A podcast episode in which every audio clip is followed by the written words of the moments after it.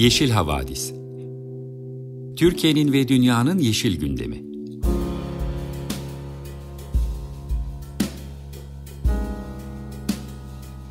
Hazırlayan ve sunanlar Demet Yaman Er, Savaş Çömlek, Dilan Altın Makas, Sare Abit ve Tansu Yeşilkır.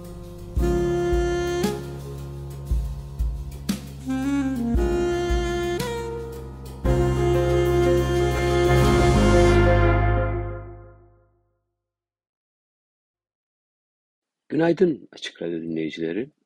Yeşil Havadis programını dinliyorsunuz. Ben Savaş Çömlek.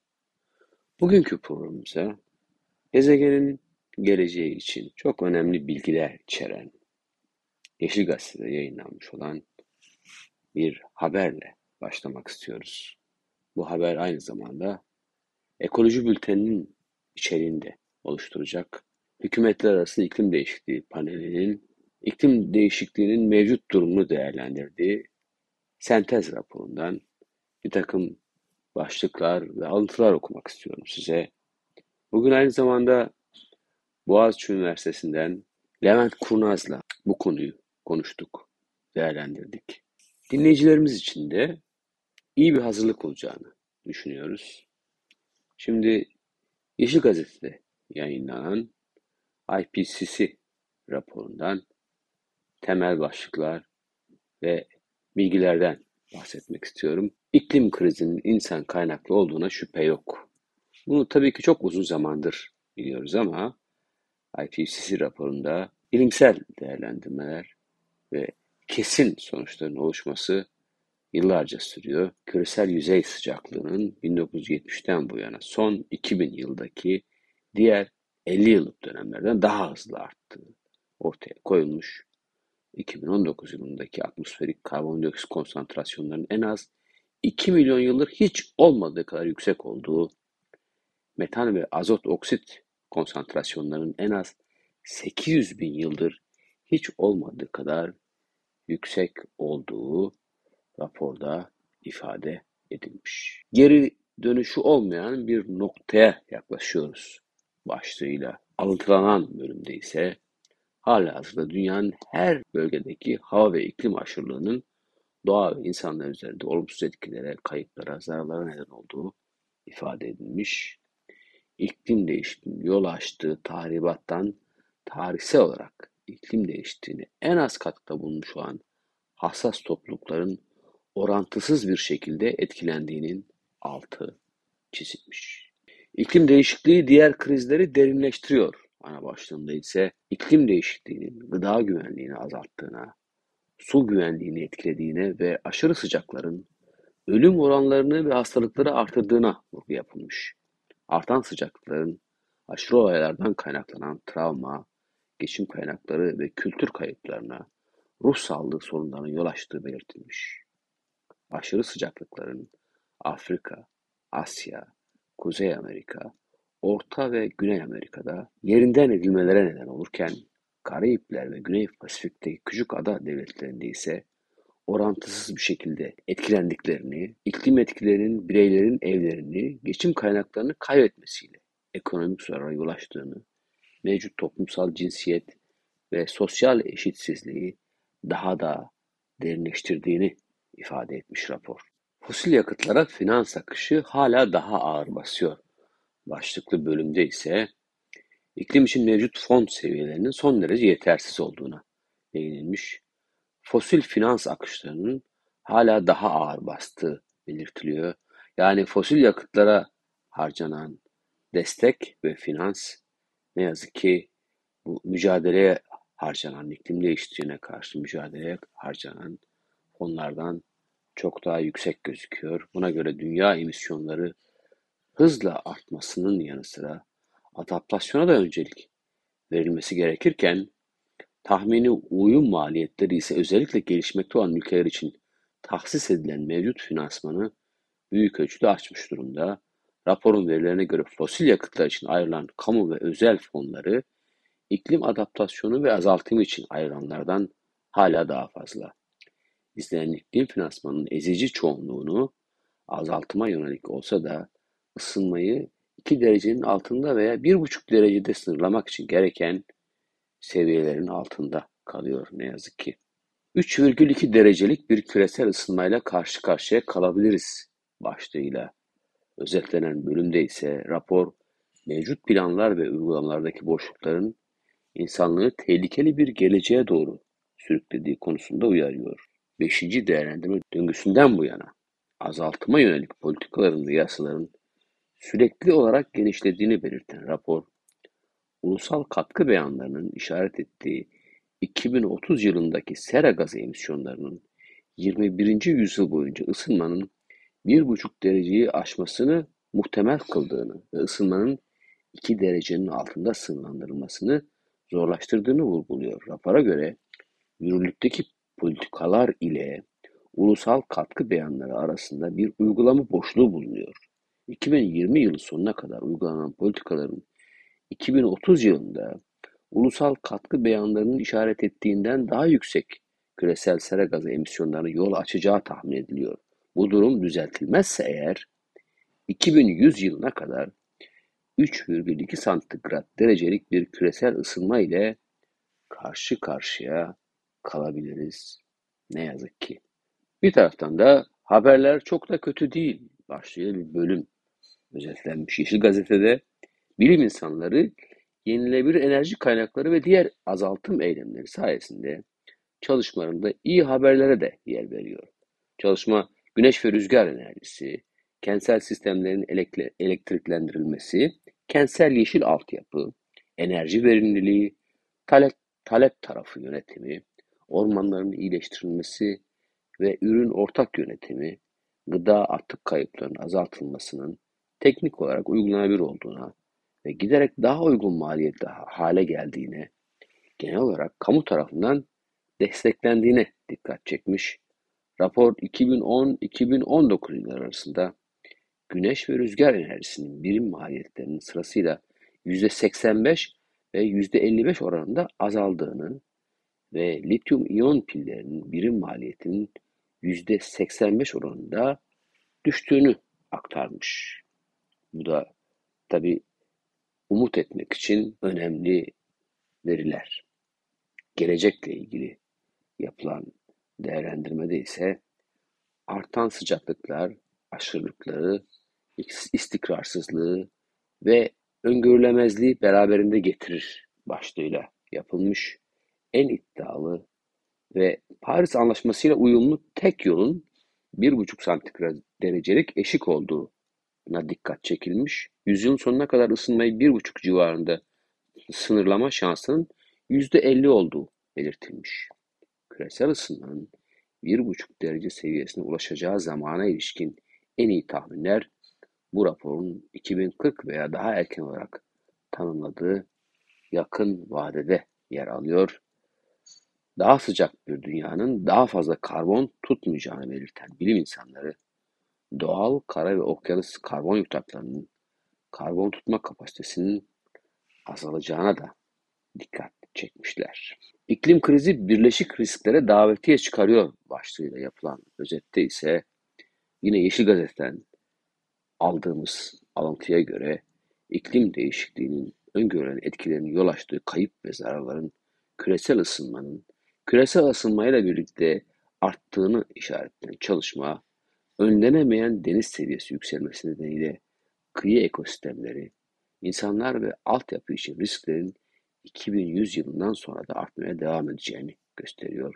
İklim değişikliği risklerin giderek daha karmaşık ve yönetilmesi daha zor hale geleceği, iklim dışı risklerle etkileşime girerek birleşik ve basamaklı riskler neden olacağı konusunda hepimizi uyaran raporda iklim kaynaklı gıda güvensizliği, arz istikrarsızlığı, artan küresel ısınmayla birlikte artabilecek kentsel genişleme ve gıda üretimi arasındaki arazi rekabetinin salgın hastalıkları ve çatışma gibi iklim dışı risk faktörlerini etkileyebileceği belirtilmiş. Bazı etkiler hala sırlanabilir başlığıyla ise çalışma artık geri dönülemez hale gelmiş olsa da diğerlerinin keskin, hızlı ve sürekli emisyon kesintileriyle sınırlanabileceği kaydediliyor. Uzmanlar ani ve geri dönüştürülemez değişiklikler olasılığının daha yüksek küresel ısınma seviyeleriyle arttığına, benzer şekilde potansiyel olarak çok büyük olumsuz etkilerle devrime noktaları deniyor bunun adına, ilişkili küçük olasılıklı sonuçların olasılığının daha da yüksek ısınmayla arttığına vurgu yapıyor. Buna göre ısınma seviyeleri arttıkça ormanlar, mercan resifleri ve arktrik bölgeler dahil olmak üzere ekosistemlerde türlerin yok olması veya biyolojik çeşitliliğin geri dönülemez şekilde kaybolması riskleri de artıyor. Kayıp ve zarar arttıkça uyum sınırlarına ulaşılacak.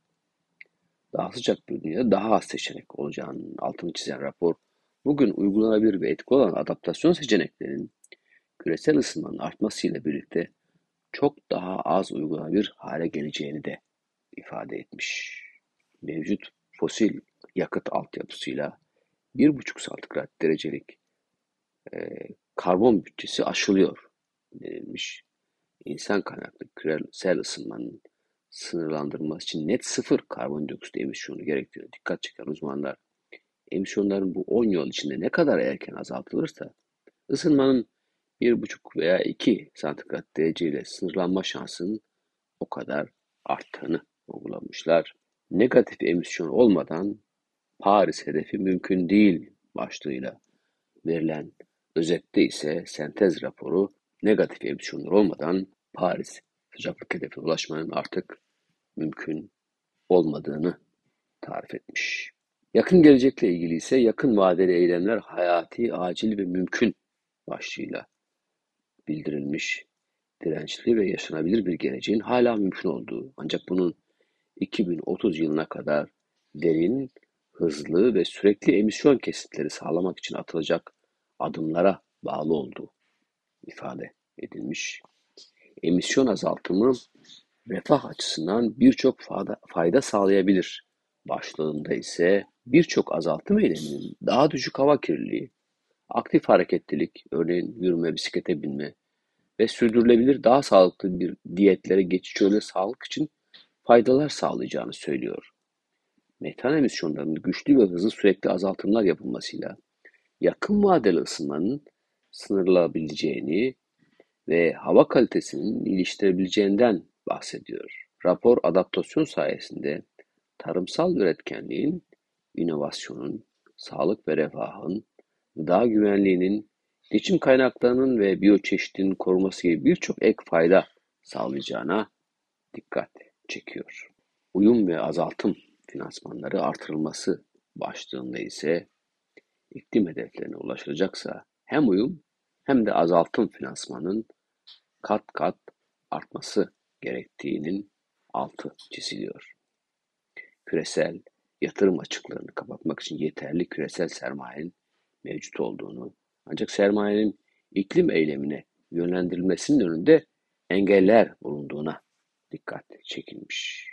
Doğayı korumak bizi de koruyacak başlığında ise mevcut arazilerin akıllıca kullanılmasının önemine dikkat çekilmiş.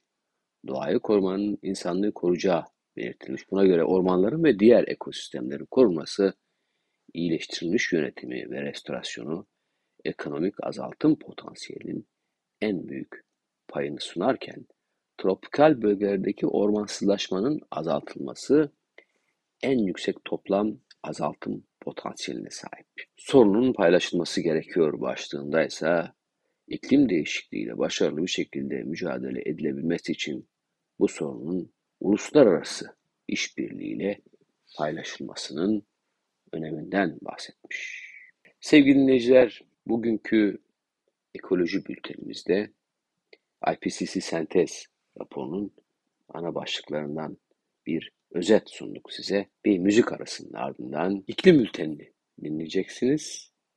İklim bülteninin ardından da yine IPCC sentez raporuyla ilgili Levent Kurnaz'la yaptığımız söyleşiyle yine sizinle birlikte olacağız.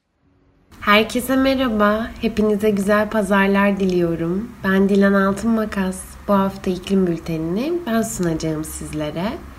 22 Mart Dünya Su Günü'nü geride bıraktığımız şu günlerde daha çok suya erişim ve kuraklık ile ilgili haberleri derledim bu hafta. Yeşil Gazete'yi kaynak alarak. İlk haberimizin başlığı şu şekilde. Dünyada içme suyuna erişim iklim değişikliği nedeniyle zorlaşıyor. Yıllarca yeraltı sularının yanlış ve aşırı kullanımı, kötü yönetimi ve tatlı su kaynaklarının kirletilmesi su stresini arttırdı. Bazı ülkelerde suyla bağlantılı ekosistemlerin zarar görmesi, iklim değişikliğinden kaynaklanan su kıtlığı, suya ve temiz temizliğe yatırımın az olması ve sınırı aşan sular üzerine işbirliğinin etkisiz olması nedeniyle artan sorunlarla karşı karşıya. Dünyanın her yerine su ulaştırmayı amaçlayan Water.org adlı sivil toplum örgütünün verilerine göre 771 milyon kişinin su erişimi bulunmuyor. Kirli su ve ortamlar kolera, dizenteri, ishal, hepatit A, tifo ve çocuk felci gibi hastalıkların yayılmasına da sebep oluyor. Yetersiz ve kullanıma uygun olmayan sular ve temizlik hizmetleri bireyleri aslında engellenebilecek sağlık risklerine maruz bırakıyor. Birleşmiş Milletler'in 2022 Sürdürülebilir Kalkınma raporundaki verilere göre 2020'de dünya nüfusunun %74'ü güvenli içme suyuna sahipti. Rapora göre son 300 yılda dünyadaki sulak alanların %85'i kayba uğradı. Güney ve Orta Asya'da su stresi seviyesi %75'in üzerinde. Kuzey Afrika'da ise bu oran %100'e kadar çıkıyor. Ayrıca 2017 ile 2020 arasındaki verilere göre yalnızca 32 ülke sınırı aşan sularının %90'ını işbirliğiyle kullanıyor.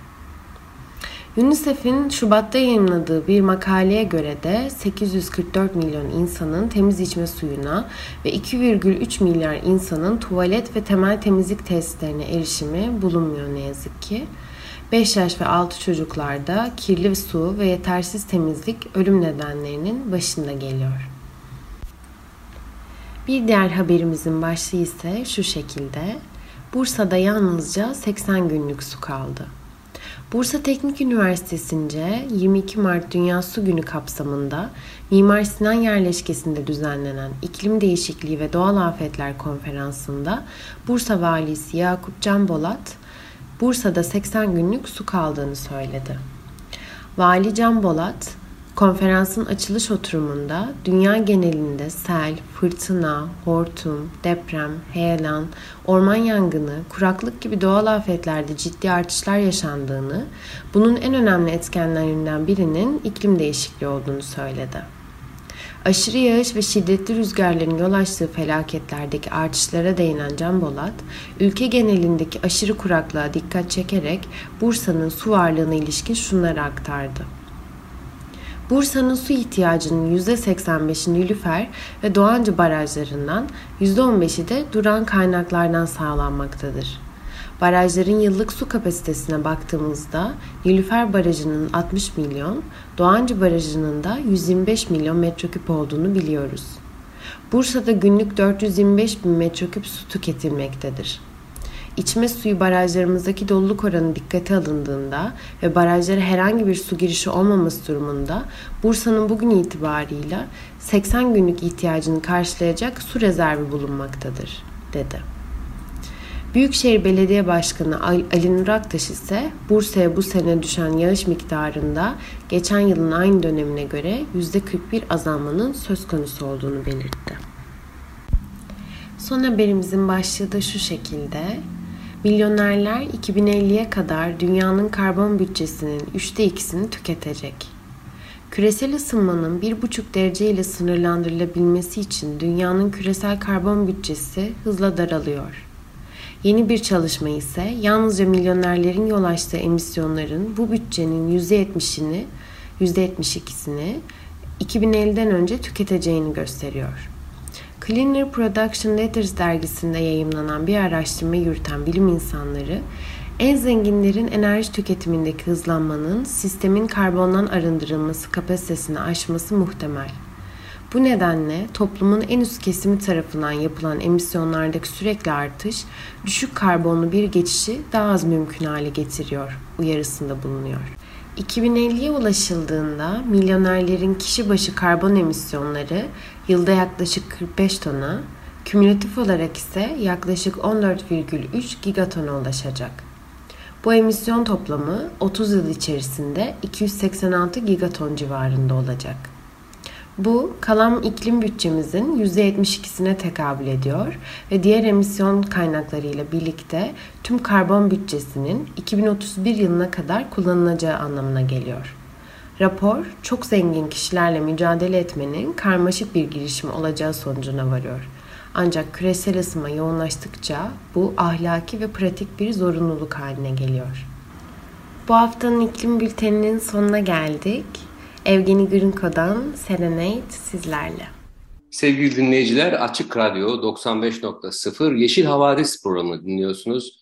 Bugün bir konuğumuz var. Profesör Doktor Levent Kurnaz. Hepimizin çok iyi tanıdığı bir isim. Boğaziçi Üniversitesi İklim Değişikliği ve Politikaları Uygulama Merkezi Araştırma Müdürü kendisi. Levent Hocam hoş geldiniz programımıza. Merhabalar, hoş bulduk. Açık Radyo'da olmak güzel her zaman için. Sevgili dinleyiciler biliyorsunuz son haftalarda en önemli gündem maddelerinden bir tanesi iklimle ilgili IPCC raporunun yayınlanmasıyla ilgili. IPCC raporunun önemini Levent Hoca'ya soracağız. Neler var raporun içerisinde? Raporun ayrıntıları neler? Neleri duymaya ihtiyacımız var? Onları öğreneceğiz kendisinden. Önce bu IPCC raporu denilen şey nedir? Onu bir öğrenelim hocadan. Ondan sonra da devam edelim. Evet hocam söz sizde. Birleşmiş Milletler 1988'de Dünya Meteoroloji Örgütü'ne ve Birleşmiş Milletler Çevre Programı'na dedi ki biz e, politikacılar ya da işte karar vericiler olarak iklim değişikliği konusunda bir takım adımlar atmak zorundayız. Siz de bize bu adımları daha doğru atabilmemiz için bilimsel veri sağlayacaksınız. Yalnız bu bilimsel veri sizin kendi ürettiğiniz veri değil, zaten bu konuda çalışan bilim insanlarının ürettiği veriler olacak. Siz bunları toplayarak bize raporlar halinde sunacaksınız. Ve size ben bunun için para vermiyorum. Yani herkes e, bu bunu gönüllü olarak yapacak. Türkiye'den de bu çalışmalara katılan hocalarımız var ve bu kişiler yaklaşık her e, 6-7 senede bir ki bu çalışma 6-7 sene sürüyor bu arada rapor çıkartıyorlar.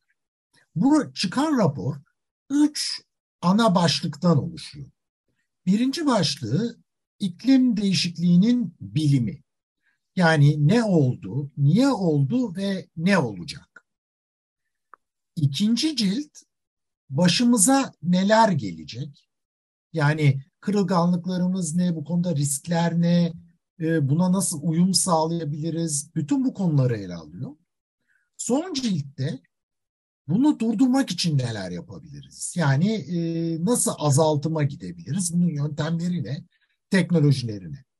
Bu üç cildi topladığımızda yaklaşık her 6-7 senede bir çıkan 7 bin küsür sayfalık bir doküman çıkıyor karşımıza.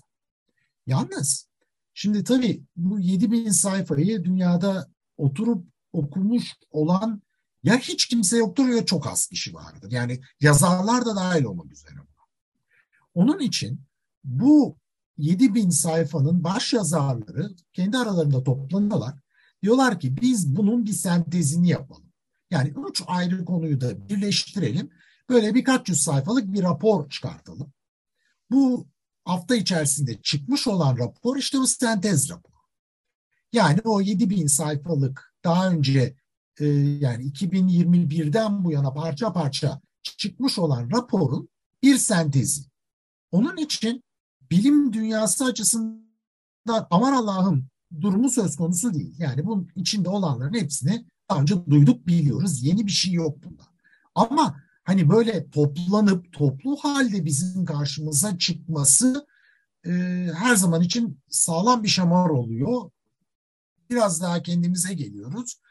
Ondan sonra işte gene unutmaya başlıyoruz. 5-6 sene sonra gene aynı raporla karşılaşıyoruz. Daha şiddetli bir şamar yiyoruz gibi bir döngü söz konusu burada.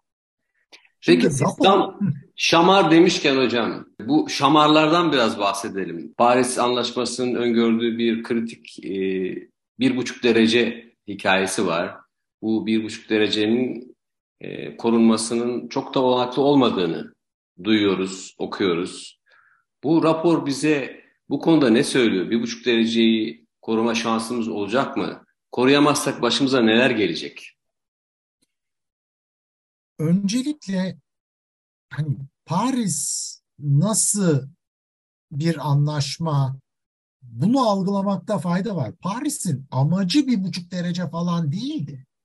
Paris'in amacı bir anlaşma olmasıydı. Bir buçuk derece, hadi bir buçuk dereceyi de koyalım diye konulmuş bir kısım ona. Yani esas amaç bir iklim anlaşması olsun. O, o iklim anlaşması da inşallah bir buçuk dereceyi korur. Ama hani bir buçuk dereceyi korumak için ne yapacaksınız? Sorusunun cevabı yok anlaşmanın içerisinde maalesef. Dolayısıyla da tabii üstünden 8 sene geçince şu anda bakıyoruz ki yapılan hiçbir şey yok. O bir buçuk derece hedefine tutturabilmek için. Çünkü bir buçuk derece hedefini tutturabilmek için bütün ulusların çok ciddi kesintiler yapmaları gerekiyor. Ve maalesef öyle bir şey söz konusu değil şu anda bütün dünyada. Bizim ülkemizde dair, Çin'de dair, Avrupa Birliği de dahil bunun içerisine.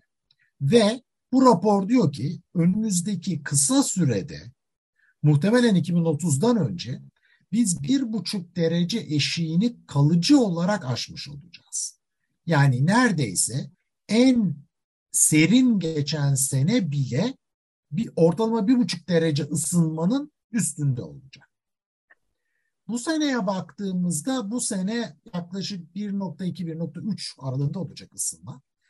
Gelecek sene muhtemelen 1.3-1.4 aralığında olacağız. 2025 civarında da mutlaka 1.5 dereceyi bir defa geçmiş oluruz. Ondan sonra 2038'e 2030'a geldiğimizde her sene aşağı yukarı bir buçuk derece eşiğini aşacak bir sıcaklıkta olur. Ve rapor diyor ki 2050'ye gelmeden 2 derece eşiği de aşılmış olacak. Yani şu anda yaptıklarımız bizi bu ısınmadan koruyamıyor. Şimdi gelelim bu bir buçuk derecenin ne anlama geldiğine. Yani tamam bir buçuk derece ısındık ama hani başımıza neler gelecek? Şimdi 1.2 derecede neler geldiğine bakalım. Türkiye mesela geçtiğimiz 8 ay içerisinde neredeyse e, epey uzun süredir yaşadığı en kurak dönemden geçti. Yani mesela Ocak ayında Türkiye'nin dörtte üçü alması gereken yağışın yarısından azını aldı. Bu korkunç bir felakettir esasında. Çünkü hep öğrendik. Ee, Akdeniz iklimi kışları serin ve yağışlı, yazları sıcak ve kurak. E biz serin ama kurak bir yaz geçir, kış geçirdik. Şimdi bu en azından çok önemli bir sinyal. Ve onun üstüne bir de işte Urfa'da yaşadığımız olaylarla karşılaştık. Yani ağır sağanak yağışlar. Ve bu hani iki sene önce Bozkurt'taydı. Bu sene Urfa'da gördük bunları. Bunların sıklığı gittikçe artıyor ve daha da kötü olacak. Bir buçuk dereceye çıktığımızda belki iki senede bir değil her sene bunları görüyor olacağız. İki dereceye çıktığımızda artık bu sene yaşadığımız gibi kuraklıklar her 3-4 senede bir yaşanır hale gelecek. İki sene önce Bozkurt'ta bir sel felaketi yaşadık. Bu sene Urfa'yı yaşadık ve bunlar sadece 1.2 derece ısınmayla olan şeyler. 1.5 dereceye çıktığımız zaman bu felaketler belki her sene görülmeye başlanacak. Yani gelecek sene bir şehrimizde yine felaket olduğundan konuşuyor olacağız. 2 dereceye çıktığımızda belki artık neredeyse her şehrimiz her sene böyle felaketlerle karşılaşıyor olabilir. Yani aynı senede birkaç şehirde böyle bir durumla karşılaşıyor oluruz ve ondan sonraki her derece ısınmamız bunun katlanarak gitmesi anlamına geliyor. Yani iki dereceye kadar ısınmada bir takım şeyleri geri çevirebilme şansımız vardı. Ama iki derecenin üstüne çıktığımızda artık geri çevrilmesi zor olmanın ötesinde bir de iki kat, dört kat, sekiz kat şeklinde gidecek bu felaketler. Yani hocam anladığımız kadarıyla e, iklim değişikliğine adaptasyon her geçen yıl biraz daha güçleşecek. E, iklim değişikliğini önlemek için harcanacak finansman ve maliyet her geçen gün biraz daha artacak ve belli bir noktadan sonra da artık karşılanamaz hale gelecek gibi gözüküyor. Öyle anlıyoruz. Öyle anlamamız gerekiyor. Ne Kesinlikle. dersin? E, şimdi şöyle düşünün. Yani e, Boğaz kenarına 50 santimlik bir set yapmanın maliyetini düşünün. Bir de 5 metrelik bir set yapmanın maliyetini düşünün. Yani onun hani bir inşaat maliyeti var bir de o setin arkasında kalacak yapıların e, bir şekilde artık işlevsiz olabilme durumunu düşünün. Yani dolayısıyla maliyetler artık e, geometrik olarak artacak. Peki hocam siyasi atmosferin çok e, yoğunlaştığı, önümüzde çok kritik bir seçim dönemine giriyoruz. Dolayısıyla sonuç itibariyle siyasi iradenin, politik e, partilerin bu konudaki tavrı e, oldukça belirleyici olacak bu tedbirlerin alınması anlamında. Sizin bu konudaki öneriniz nedir? Sizce biz siyasi partilerden ne beklemeliyiz, ne önermeliyiz, neyin mücadelesini vermeliyiz? Yenilebilir enerjiye geçin mi diyelim onlara? Kömürden çıkın mı diyelim? Ne diyelim? Mücadelenin ana başlıklarından biraz bahsetmek ister misiniz yoksa siyasete güveniniz hiç mi yok? Siyasete güven meselesinin ötesinde bir problemimiz var.